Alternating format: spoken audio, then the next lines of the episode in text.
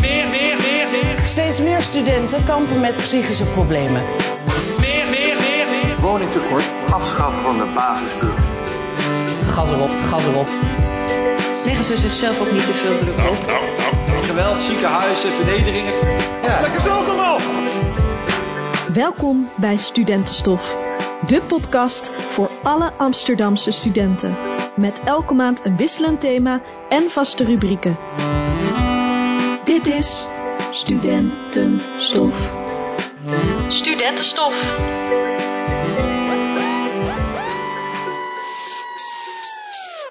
Nou, welkom weer bij een nieuwe aflevering van Studentenstof. Mijn naam is Halil en vandaag gaan we het hebben over huurrecht van student. Want wat is huurrecht nou en waar heb je nou recht op? Weten studenten dat? Vaak weet je niet waar je aan begint als je een kamer ingaat in Amsterdam. Wist je dat je al heel veel recht hebt? Bijvoorbeeld maximale huur, die staat vastgelegd in de wet. Het onderhoud is bijvoorbeeld ook voor de huisbaas. Als je toilet stuk gaat, je douchekop en binnen hoeveel tijd moet dat gerepareerd worden. Ook dat staat allemaal uitgelegd in de wet. Maar ik kan me voorstellen dat je daar helemaal geen zin in hebt. En daarom heb ik vandaag Gert-Jan Bakker van Wonen uitgenodigd, die ons precies gaat vertellen wat je huurrechten zijn als student. En Robin Schatens, die structureel berichten krijgt van studenten over huurrecht. Met twee experts aan tafel vandaag. Welkom.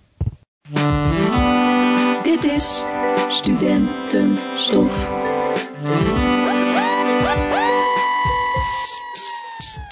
Nou, welkom weer bij een nieuwe aflevering van Studentenstof. Mijn naam is Halil en vandaag gaan we het hebben over huurrecht. Ik zit hier vandaag aan tafel met Gert-Jan Bakker van uh, Woon en met uh, Robin Schatens, medewerker van het rechtsbureau. Gert-Jan Bakker. Ja. Goedemorgen, welkom. Ja. Dank je. Wie is Gert-Jan Bakker? Ja, ik werk bij Stichting Wonen. We zijn in Amsterdam een, uh, nou ja, een uh, organisatie die uh, huurrechtadviezen geeft. En eigenlijk heel breed advies over allerlei huurkwesties. Dus um, kleine vereniging van eigenaren, maar ook woningzoekenden, heel veel studenten, maar ook expats met allerlei vragen over huren. Um, dus eigenlijk alles over wonen, alle woonkwesties in Amsterdam, daar geven wij advies over. En we hebben in alle stadsdelen weer een vestiging. Dus we zijn ook heel laagdrempelig en al onze adviezen zijn gratis. Gratis. Gratis dus dat is wordt altijd uiteindelijk weer gefinancierd door de gemeente Amsterdam voor een groot deel. Ja. En we hebben hier Robin Schatens. Ja, hi. Uh, ik ben Robin. Ik ben uh, student en ik werk voor uh, ASFA op het, op het rechtsbureau. Dus ik uh, behandel ook allerlei vragen, onder andere ook huurrecht. Ja. en als het echt ingewikkeld wordt, dan verwijs ik door naar Woon. um, en maar ook over allerlei andere onderwerpen, zoals uh, dingen met je examencommissie en uh, nou, van alles. Ja, maar even snel een vraag. Krijg je veel aanvragen binnen over woon- en huurrecht? ja, wel, wel regelmatig. Um, ja, en echt van alles. Van ver, verhuurders die willen verbouwen tot de vraag of iemand nou een tijdelijk contract heeft of niet. allemaal dat soort vragen. Variërend van heel simpel tot super ingewikkeld, die dan graag doorschuiven naar woon. nou, daar zitten we hier bij woon. Laten ja. we meteen aftrappen, Gert-Jan Bakker. Hoe komt het dat we nu een crisis hebben op de woningmarkt? Oei, dat is inderdaad, uh, het klinkt als een heel simpel vraagje, maar daar zou je uh, uh, heel veel over kunnen zeggen. Um, de stad is gegroeid de laatste jaren. De laatste jaren groeide Amsterdam met 10.000 mensen per jaar. Nou, daar valt eigenlijk al niet tegen op te bouwen. Dus daar zit al natuurlijk een, een, een kern van het probleem. Punt uh, van het probleem is eigenlijk de, ja, de zogenaamde financialisering van woningen. Woningen zijn meer en meer een financieringsproduct, een beleggingsproduct geworden. In plaats van ik wil een woning hebben om te wonen, is het nu van ik wil een woning hebben om te beleggen, om te verhuren, om rendement te maken. Dat heeft de prijzen enorm onder druk gezet en dat is eigenlijk allemaal mogelijk geworden sinds het kabinet Rutte 2. Die heeft onder andere um, de huurprijzen verder geliberaliseerd. Mm-hmm. Voorheen kon je bijvoorbeeld voor een appartementje hier in de stad van 50 vierkante meter kon je bijvoorbeeld maximaal 600 euro vragen. En wilde de huisbaas een hogere huur, dan kon je naar de huurcommissie. En de huurcommissie zei nee, 600 euro is het maximum. Dat is losgelaten. De WOZ, dus de waarde van het vastgoed, is uh, nu onderdeel geworden van het puntensysteem. Ik ga niet al te technisch hoor. Nee, ja, het, maar het begint al een beetje lastig nu, te worden. Ja, daardoor, door, eigenlijk door die simpele, uh, ja, veranderende wetgeving, zijn uh, woningen in Amsterdam nu voor vrije sector huurprijzen te verhuren. En de huurder kan niet meer naar de huurcommissie. Dus dat woningje van 50 vierkante meter, die tien jaar geleden 600 euro was, maximaal volgens de wet, die wordt nu voor 1600 euro verhuurd. Of de verhuurder denkt, ik kan er ook vier studenten in zetten. En dan vraagt hij 2400 euro voor hetzelfde woningje. Zijn dat de huisjesmelkers? Ehm, huisjesmelkers, ja, dat is natuurlijk ook een, een beetje een, een vaag begrip. Hè. Iedereen heeft er een ander beeld bij. De ene zegt Wiebren van Haga is een huisjesmelker. De andere zegt, nou, de woningbouwverenigingen zijn huisjesmelkers. Maar eh, de andere zegt, ja, nee, dit zijn keurige beleggers. Dus eh, ja, dat is soms een beetje een, een lastig begrip. Het is wel zo dat omdat dus die huren nu ongebreideld mogen stijgen. Daardoor is ook een hele grote influx of een nieuwe toestroom aan beleggers gekomen. Want die denken, wauw, hier zit heel veel rendement. Omdat vroeger dus, of tot, tot Rutte 2, de huurprijzen gemaximeerd waren, kon een belegger ook niet ongebreideld rendement maken. Want hij had gewoon te maken met een, een, een, een max op de huur. Dus dat pand had ook een lagere waarde. Nou ja, dat is de, uh, een van de maatregelen waardoor nu de, de hele boel aan het exploderen is eigenlijk. Hè, de woningmarkt, er is al jarenlang crisis op de woningmarkt, ook op de studenten, ja, bij dat de studentenwoning. We kennen natuurlijk ook de foto's van de ASFA uit de jaren 60 al en uit de jaren 50 al. Van ik zoek een kamer en uh, met actie, allerlei acties in de laatste decennia gevoerd ja. Uh, ja. over de kamernood. Ja, we zijn nu 70 jaar verder. ja, erg. En het staat nog steeds op de agenda. Ja, en um, ik denk zelfs dat de woningcrisis uh, die we nu hebben uh, ook de grootste is sinds decennia. Um, de crisis zit er nu vooral in de betaalbaarheid. Als jij 2000 euro hebt te besteden, heb jij morgen 10 woningen of 20 of 30. Je kan ze vanmiddag allemaal uitkiezen en morgen en je kan zelfs onderhandelen. Um, Besteden is ja, niet, niet jij, geen inkomen van 2000 euro. Nee, wie heeft dat nog inderdaad? Of wie heeft dat überhaupt? Um, maar als je, als je dat geld hebt, heb je dus morgen gewoon een woning. Maar als jij het modaal inkomen hebt, of een lager inkomen, of zelfs dubbel modaal, dan wordt het moeilijk. Dan ja. zijn die woningen er niet. Um, en daar zit dus het probleem, die, de betaalbaarheid. Er wordt ook vaak vanuit Den Haag simpel gezegd: ja, we moeten bouwen, bouwen, bouwen. Um, kanttekening, ja, er moet ook natuurlijk extra worden gebouwd. Er moeten woningen worden toegevoegd. Maar dan is het wel, denk ik, kwestie om te bekijken wat voor woningen. En dan bedoel ik vooral de betaalbaarheid. Mm -hmm. Dus dat je ook met een kleinere beurs of gewoon met een middeninkomen. Uh, ook een woning kan vinden in de stad. En dan niet een, een studiootje van 24 vierkante meter. Mm. Uh, dat, dat, die woningjes zijn ook nodig. Maar daar zet je geen gezin in. Dus ook de gezinswoningen, alles moet er ook zijn. Maar ook betaalbaar. En daar ligt nu het probleem. En wat doet de gemeente Amsterdam voor Amsterdamse studenten? Als het gaat om voor studenten, uh, nou de gemeente heeft een, ja, heel, uh, elk jaar, een paar jaar maken ze weer een mooi uh, programma over studentenhuisvesting. Met allemaal nieuwe aantallen te realiseren studentenkamers. Er wordt ook echt wel wat toegevoegd voor, voor jongeren en studenten. Um, de laatste tien jaar is er bijvoorbeeld heel veel um, in oude kantoren. Er zijn, zijn duizenden kamers, soms en nog studio's, zelfstandige kleine studiootjes toegevoegd. Um, is dat genoeg? Nou, zolang de kamernood er is, is het niet genoeg. Anderzijds kan je ook zeggen, ja, maar wat doet nou eigenlijk de UvA, de HVA en de VU hieraan? Want het is wel erg makkelijk geld verdienen om um, heel veel uh, buitenlandse studenten hierheen te ja. halen. Want ja, dat, dat heeft, is ook een geldkwestie. Hm. Maar dan denk ik, ja, hallo, uh, onderwijsinstellingen, jullie hebben ook een verantwoordelijkheid. Ga aan de slag. Bouw dan ook die kamers daarvoor. Want daar zit natuurlijk ook nog wel een beetje een, ja, misschien een probleempje. We hebben een tekort van 4.500 woning, kamers, woningen, kamers. Uh, voor studenten. Ja, in 2019. Ja, ja, maar de gemeente... de ASFA even, ja ook. Ja, want wat, wat, kunnen studenten zelf doen op de woningmarkt? Oh ja, ik wilde eerst eigenlijk nog even, wat doet de gemeente? Want er is natuurlijk ook af en toe wel uh, kritiek op de gemeente uh, vanuit studenten. Zoals bijvoorbeeld een paar jaar geleden de... Um, ik ben even de, de term ervoor kwijt, maar uh, het woningdelen ja. uh, is uh, enorm te schop gegaan. Ja. Dus je mag nu niet meer zomaar met z'n allen gaan samenwonen. Nee, dat is ook wel goed, dat het niet zomaar mag. Kijk, studenten zijn een doelgroep, maar andere woningzoekenden zijn ook een doelgroep natuurlijk. daar moet een balans in zijn. De gemeenteraad heeft geoordeeld dat de balans er is dat er woningen wel verkamerd mogen worden. Of via woningdelen. Hè. Dat simpel gezegd dat je bijvoorbeeld met z'n vieren in één zelfstandige woning gaat wonen dat ledigt al een beetje de, de kamernood natuurlijk. Er zijn vier mensen die een dak boven het hoofd hebben. Maar het is ook een gezin die niet meer in die zelfstandige woning kan wonen. Mm -hmm. Dus dat is natuurlijk, het schuurt altijd. Hè. Het is nog het verdelen van schaarste. Um, de gemeente heeft gezegd, nou, we gaan het niet onbeperkt vrijgeven. Dus er is nu per buurt een quotum. bijvoorbeeld hier in de buurt mogen bijvoorbeeld 100 gezinswoningen. En in de buurt hiernaast bijvoorbeeld 50 gezinswoningen. En zo zijn er in de hele stad ruim 13.000 eh, eh, rechten in een quota. Voor een aantal buurten zijn ze al op, dus daar mogen beleggers geen nieuwe woningen kopen om die te verkameren. Eh, en in andere eh, wijken in de stad is nog wel ruimte. Ehm, dus zo wordt het een beetje ehm, ja, beheersbaar gehouden. Is het idee in ieder geval. Ehm, je hoort namelijk ook wel eens klachten. Als er bijvoorbeeld een belegger een heel straatje opkoopt met 10 woningen. En al die 10 gezinswoningen daar eh, bijvoorbeeld 4, 5, 6 studenten per woning inzet. Dat heeft ook effect op de leefbaarheid, op de openbare ruimte, de vuilnis, de fietsen, eh, de feestjes. Ja, het heeft dus effect ook op de, eh, hoe de stad functioneert. Dus ik denk dat het op zich wel een wijs besluit is geweest van de gemeente om via een quotum dat weer te proberen te reguleren. Cijfers en feitjes, cijfers en feitjes. Met Laura. je in Amsterdam 800 euro voor 4 vierkante meter betaalt. Amsterdam de duurste studentenkamers van Nederland heeft. Ruim 151.000 studenten ingeschreven staan als woningzoekende.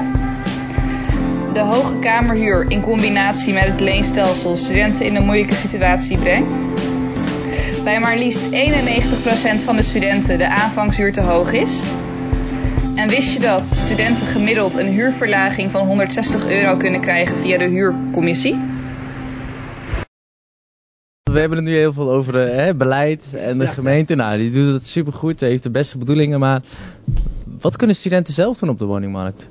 Ehm, zo, ja. Hebben studenten nog macht, om het maar even zo te zeggen? Nou, eh, er zijn natuurlijk verschillende stadia in het, het zoeken van een woning. Eh, als je er eenmaal één hebt, ehm, dan kan je bijvoorbeeld eh, met ASFA of Stichting Woon kijken of je niet te veel huur betaalt. en op die manier proberen in ieder geval niet uitgebuit te worden, zeg maar. Ja, en in het woning zoeken is het op dit moment gewoon heel lastig. Ehm, want als je het geld niet hebt, kom je inderdaad eh, bijna nergens binnen. Dus eh, schrijf je netwerk aan, eh, laat iedereen weten dat je iets zoekt. En hopelijk kom je dan iets tegen. Asfa heeft natuurlijk ook wel een soort bemiddeling daarin.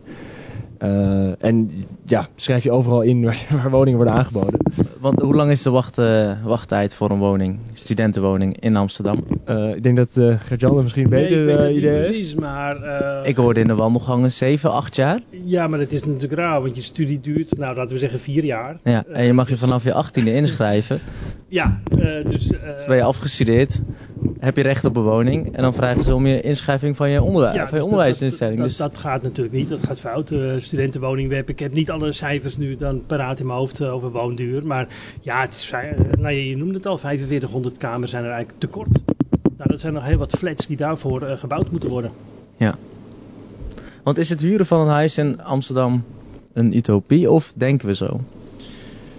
Ehm, nou ja, er zijn verschillende segmenten. Hè? Dus als jij geld hebt, dan kan jij eh, zeg maar al die, die woningjes die uh, tot vorig jaar aan expats werden verhuurd voor 1800 of 2000 euro in de maand, die staan nu ook gewoon leeg. Die kan jij, uh, nou ja, wat ik net al zei, als jij wil heb je morgen 100, 100 woningen in je mail en dan kan je uit kiezen.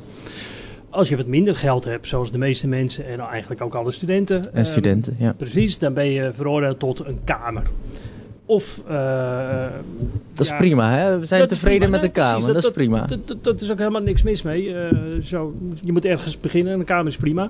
Veel mensen, st uh, of studenten starten inderdaad ook, die, dan gaan ze bijvoorbeeld met z'n vieren of vijven een, een woning huren. Um, woningdelen, verkamering, die termen hoort daarbij. Nou, dat, dat kan ook best gezellig zijn. Hè. Um, we zien wel af en toe dat er mensen dan in kamertjes zitten van 7 vierkante meter. En die betalen 700 euro in de maand.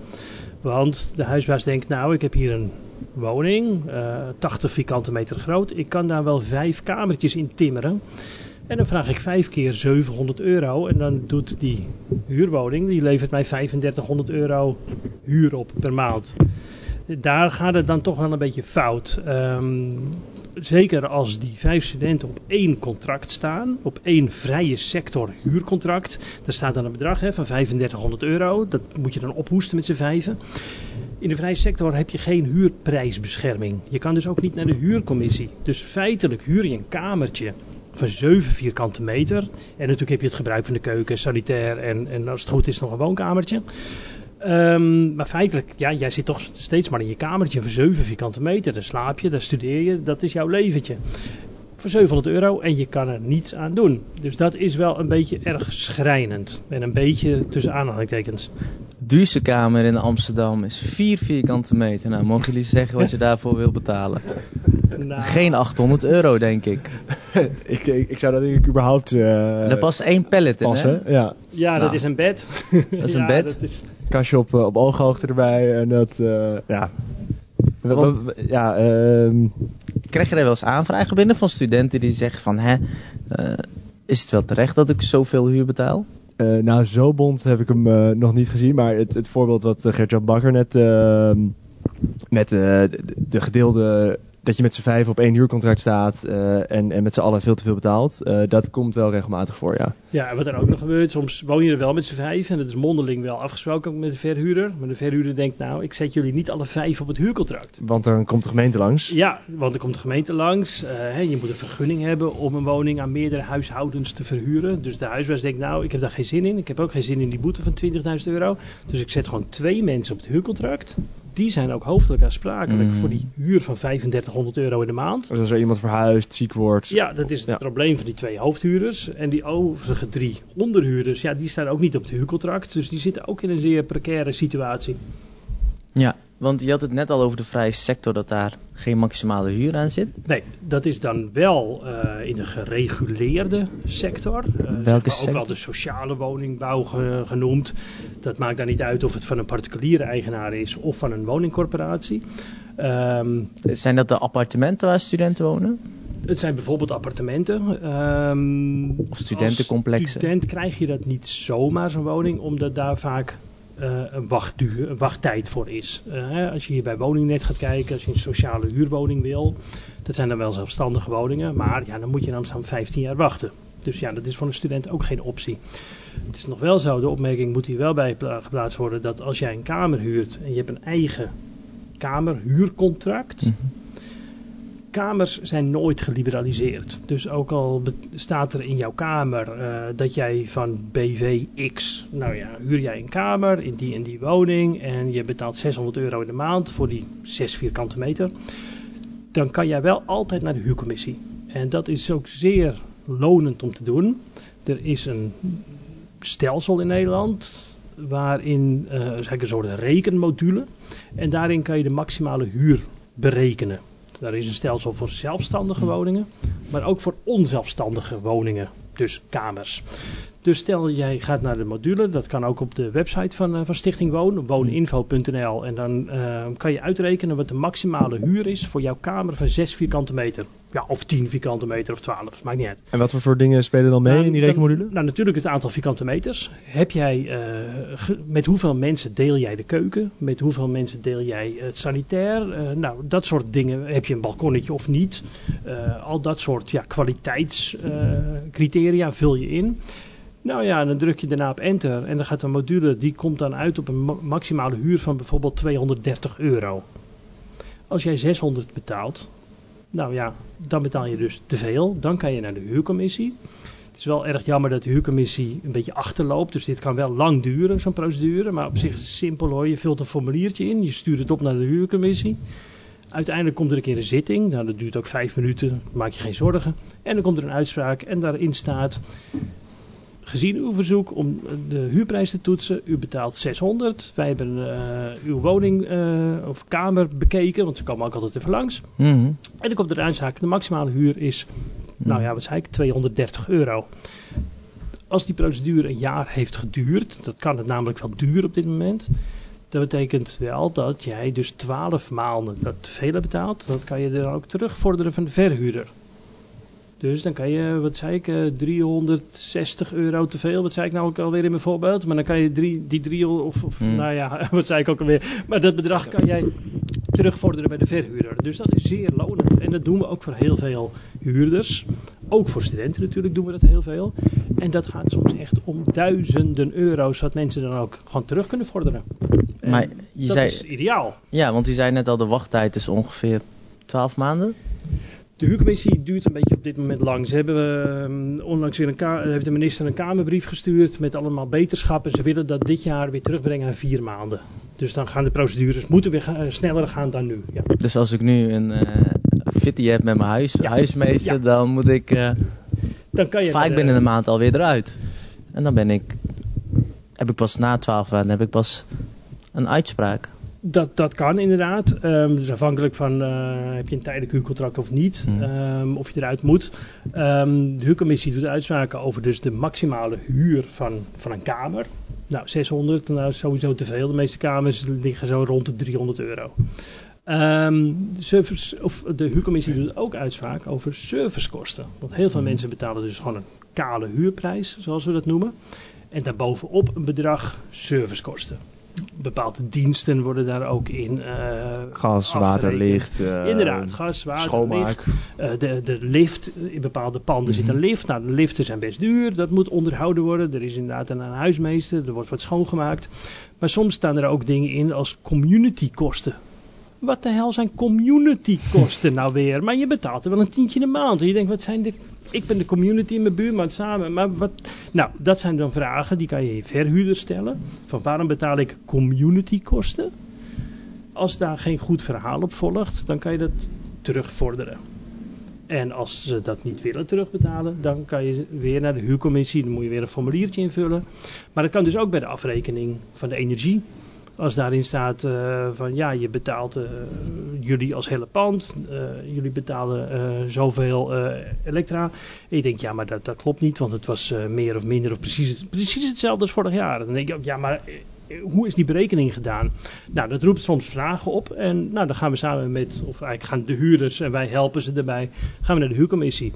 En soms zegt de huurcommissie, ja, verhuurder, wat jij hier doet, dat mag helemaal niet. Zo hebben we voor honderden huurders echt heel veel geld eh, teruggevorderd. Het is meest recent en ook een aantal keer in het nieuws gekomen, Stichting Kamerlot. Ehm, hele grote verhuurder aan jongeren, jongeren- en studentenhuisvesting. Hier in de stad ook een grote speler. Ehm, en elk jaar maakten ze een potje van de afrekening van de servicekosten. Nou, dus elk jaar moesten we naar de huurcommissie. Elk jaar kregen we, of we, die studenten, heel veel geld terug. Nou ja, uiteindelijk heeft het geleid dat, dat we toch, of dat, ja, dat Camelot, Camelot ook het gesprek aan wilde. Dus nu hebben we structurele afspraken kunnen maken. Ehm, en ja, dat, dat gaat om duizenden. En in totaal gaat het om tonnen, wat er dan te veel is betaald door die huurders. En dat die huurders dan ook allemaal terug gaan krijgen. Mhm. Dus dat, dat kan zeer lonend zijn. Ja. Robin, herken je dit, eh, Ja, deze verhalen van Ja, allemaal enorm. Eh, ja, op servicekosten staan inderdaad hele rare dingen. Ook eh, puntenstelsel wordt eh, zeker niet altijd nageleefd. Ehm, Puntenstelsel, dat zijn... ja, puntenstelsel waar we het net over hadden. Die rekenmodule van je maximale huur. Ehm, Mhm. En ja, het, is, het, is, het loont echt om dat even dat formulier in te vullen. Of zo'n rekenmodule in te vullen. Want dat is, ehm, daar ben je misschien vijf of tien minuten mee bezig als je alles Ja. echt eh nameet. En ja, er is best kans dat je te veel betaalt. Ja. Overigens is het wel dat als je een zelfstandige woning hebt, dus je, hebt alle, eh, je woont helemaal alleen, dan telt tegenwoordig, eh Gert-Jan uh, wees er even naar, eh dan geldt ook de waarde van je woning mee. En dat betekent dus wel dat voor de meeste Amsterdammers die, nou, laat ik even zeggen, binnen de ring wonen, eh, je toch al snel ehm, in die vrije sectorhuur terechtkomt. Dus dan, eh, ja, dan heeft het puntenstelsel voor jou net eh, misschien geen zin, maar check het alsnog even, want wie weet eh, kan je er heel veel geld mee terugverdienen inderdaad. Want ik kan me voorstellen, als je een kamer hebt binnen de ring op de Keizergracht of waar dan ook, dan, ehm, dan krijg je een huurcontract en je ondertekent dat en je denkt van prima, die gaat de kast in en ik ga mijn leven leven in Amsterdam. Wat weten studenten niet over het huurcontract? Eh, Wat, wat zouden ze allemaal moeten weten? Wat zouden Ja. ze moeten weten? Nou ja, je weet dus, hè, je, je hoogte van je huur staat erop, je naam staat erop, maar laten we even over de kleine lettertjes hebben. Eh, nou, daar, de, de huurprijs is natuurlijk een heel belangrijk ding. Dus die moet je sowieso meteen checken op, eh, op bijvoorbeeld de website van Woon met die rekenmodule. Uh, doe dat wel snel trouwens, want voor zelfstandige woning kan het alleen de... Als je een, een onbepaalde tijdcontract hebt, in principe alleen de eerste zes maanden. Dus eh, doe dat snel. Ehm, ja, en verder, eh, we hadden het net al even over dat je misschien eh, wel ook verantwoordelijk bent voor de, voor de huur van je, van je medehuurders. Dat is natuurlijk iets wat je best wel Ja. ja, best wel een risico is. Dus je moet je wel afvragen of je dat wil. Die servicekosten zijn belangrijk om toch even te bekijken. Wat staat er allemaal in? Waar betaal ik eigenlijk voor? Sommige verhuurders gaan namelijk ook allerlei belastingen die voor de verhuurder zijn. Die gaan ze via een huurcontract toch zo een beetje erin fietsen. En uiteindelijk betaalt dus de huurder de belastingen van de verhuurder. Nou, dat mag niet. Alleen, ja, dat moet je dus wel even nakijken of daar geen sprake van is. Ehm, en wat heel belangrijk ook wel is, wat is eigenlijk precies de status van, je, eh, van die huurder? Ben je een tijdelijke huurder of heb je een huurcontract voor onbepaalde tijd? Met andere woorden, kan je inderdaad je hele leven lekker lang in die kamer blijven? Of moet jij na bijvoorbeeld 12 maanden of 24 maanden er weer uit? Dat geeft je natuurlijk alweer een heel ander perspectief op die woning de meeste woningen en kamers die op dit moment worden verhuurd zijn tijdelijk. Dus ja, als jij nu al weet, oké, ik heb een kamer gevonden, maar ja, het is maar voor 24 maanden. Dan ga je ook al heel anders je verhouden ten opzichte van je buurt, van je buren, van je, van je woning. Ga jij daar voor 500 euro verf kopen en mooi behang, want dit is mijn paleisje. Of denk je nou, laat maar, over twee jaar ben ik alweer weg. Ga jij eh, energie stoppen in buurtcohesie? Wil jij samen met de buurt de wijk vergroenen? Wil jij leuke dingen doen met de buurt? Of denk je nou, over twee jaar ben ik toch alweer weg. Dus de tijdelijke huurcontracten, die ook sinds Rutte 2 uh, zijn ingevoerd, um, dat heb, heeft nogal wat effect op hoe we met elkaar, uh, tot elkaar verhouden in de stad. Tegenwoordig mensen komen en gaan, en niet omdat ze willen gaan, maar omdat ze moeten gaan. Ze moeten na twee jaar. Twee jaar is een veel voorkomend uh, mm -hmm. periode uh, van huurcontracten. Dus ja, je huurt iets en na twee jaar moet je weer weg. Um, dus dat, dat heeft ook wel weer zijn keerzijde. Ja, want je had het net al over een likje verf. Is dat, is dat is dat iets wat de huisbaas moet nou, regelen? Ja, nou ja, een likje verf. Uh, als het aan de binnenzijde is, de muur, um, dat, dat, dat is klein onderhoud en dat doe je in principe gewoon zelf. Maar uh, als het nou aan de buitenzijde van de kozijnen er geen verf meer op zit, het is allemaal afgebladderd, het hout begint te rotten, dan heb je het natuurlijk over achterstallig onderhoud. En het toilet dat niet doortrekt bijvoorbeeld? Ja, dat zijn natuurlijk allemaal gebreken. En als het regent, dan uh, moet je met een paraplu op in je kamer zitten, want anders dan word je ook nog nat. Uh, dat is allemaal achterstallig onderhoud. En het is logisch dat je daar als huurder uh, niet zelf voor opdraait. Jij betaalt huur.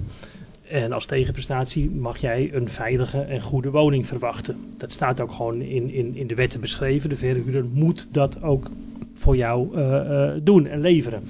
Um, dus als er achterstallig onderhoud is, nou dan ga je natuurlijk naar je verhuurder.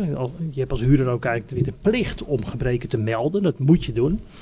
En dan heeft de verhuurder de plicht om die gebreken te verhelpen. Mm -hmm. Als de verhuurder dat niet doet, want die denkt, nou ja, ach, voor jou, uh, als jij weggaat, dan komt weer een nieuwe huurder. Uh, ik, ik kan het toch wel verhuren, laat me zitten.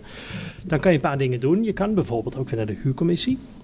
Uh, nou, dan komt de huurcommissie weer even langs en die komt kijken en die komt constateren. Ja, inderdaad, lekkage en we zien het al en de kozijnen zijn verrold. Uh, nou, en dan komt er vervolgens weer een zitting en dan komt een uitzaak dat jouw huur bijvoorbeeld met 60% wordt verlaagd zolang de gebreken niet zijn verholpen. Dus jij betaalde, nou ja, wat zullen we zeggen, 600. Nou ja, dan gaat er 60% af. Nou, dus dan heb je een flinke en leuke huurverlaging. Uh, het idee van die uitzaak van de huurcommissie is natuurlijk, nou, dit is een soort financiële uh, ja, nou ja, straf, hoe moet je het noemen, voor de verhuurder.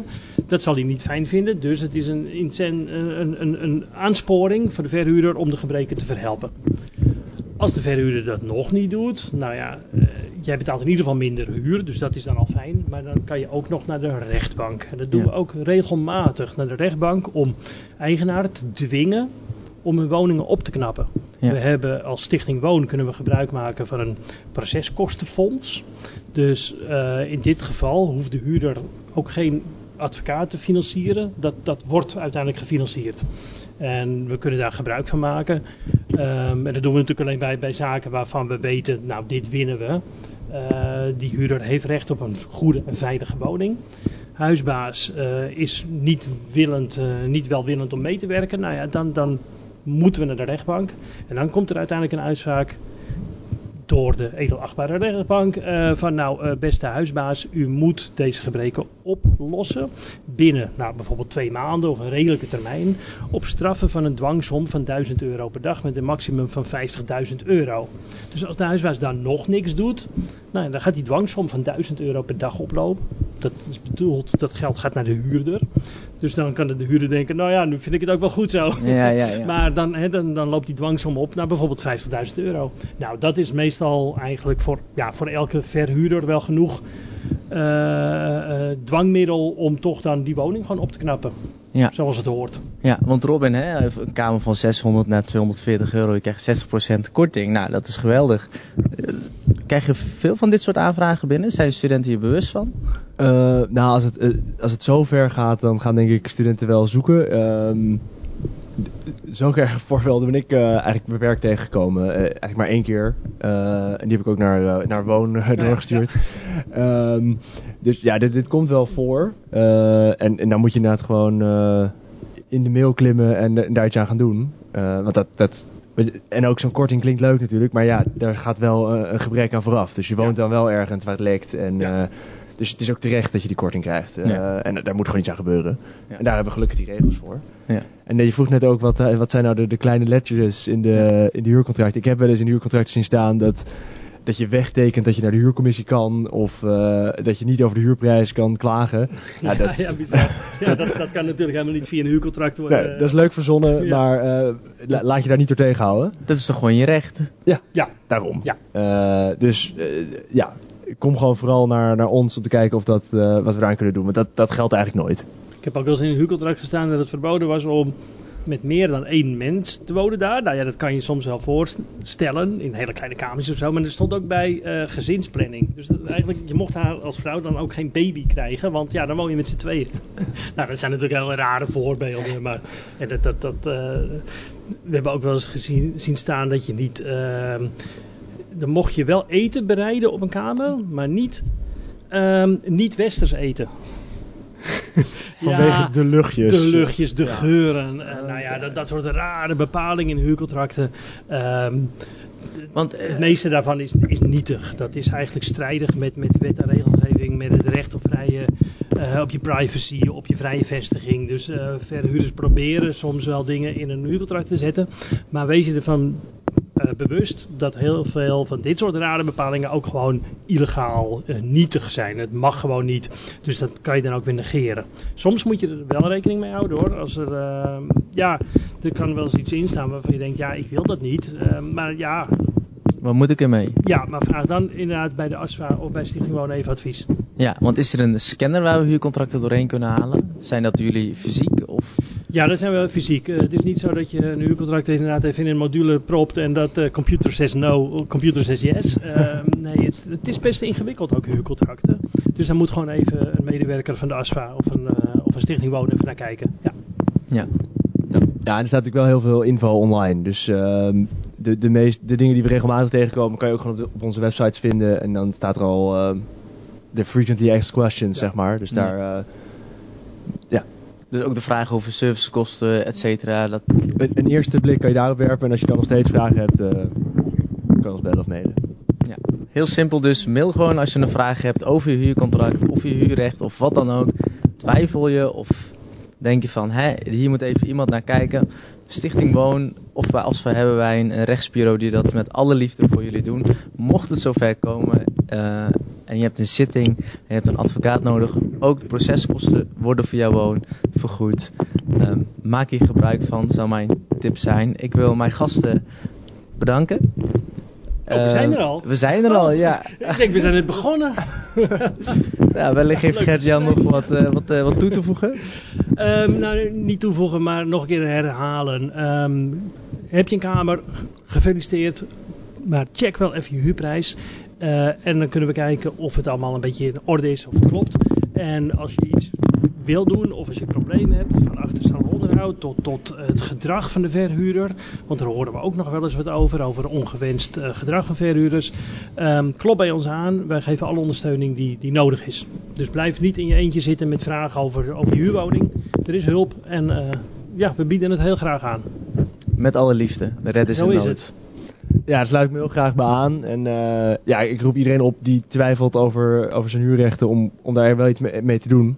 Daarmee creëren we ook een sfeer in Amsterdam dat huurders zich niet laten uitbuiten. En dat is uiteindelijk goed voor iedereen. Dus ehm, ja, kom graag bij ons langs. Ja, check de mailadressen en de website in de show notes. Dank jullie wel voor het luisteren en tot de volgende keer. Ja, Mooi. Ja.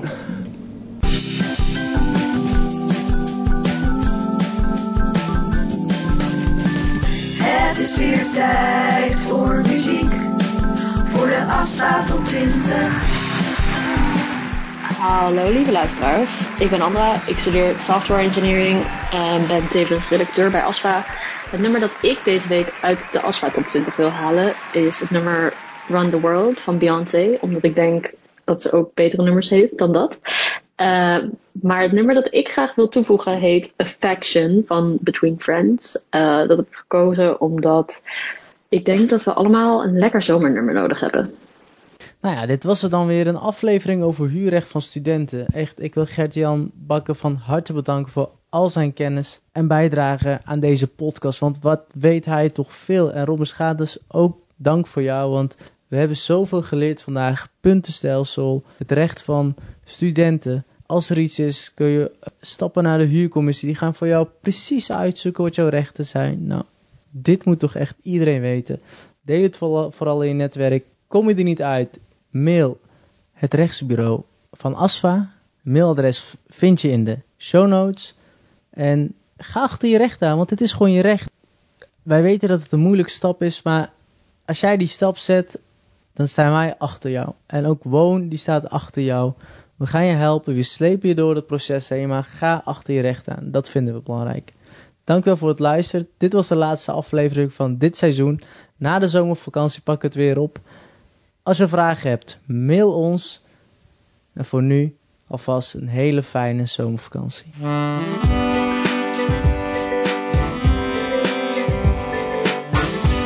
Dit was Studentenstof. Deze podcast werd mede mogelijk gemaakt door de ASFA Studentenunie en gemaakt door Halil Selik en Thomas Leijen.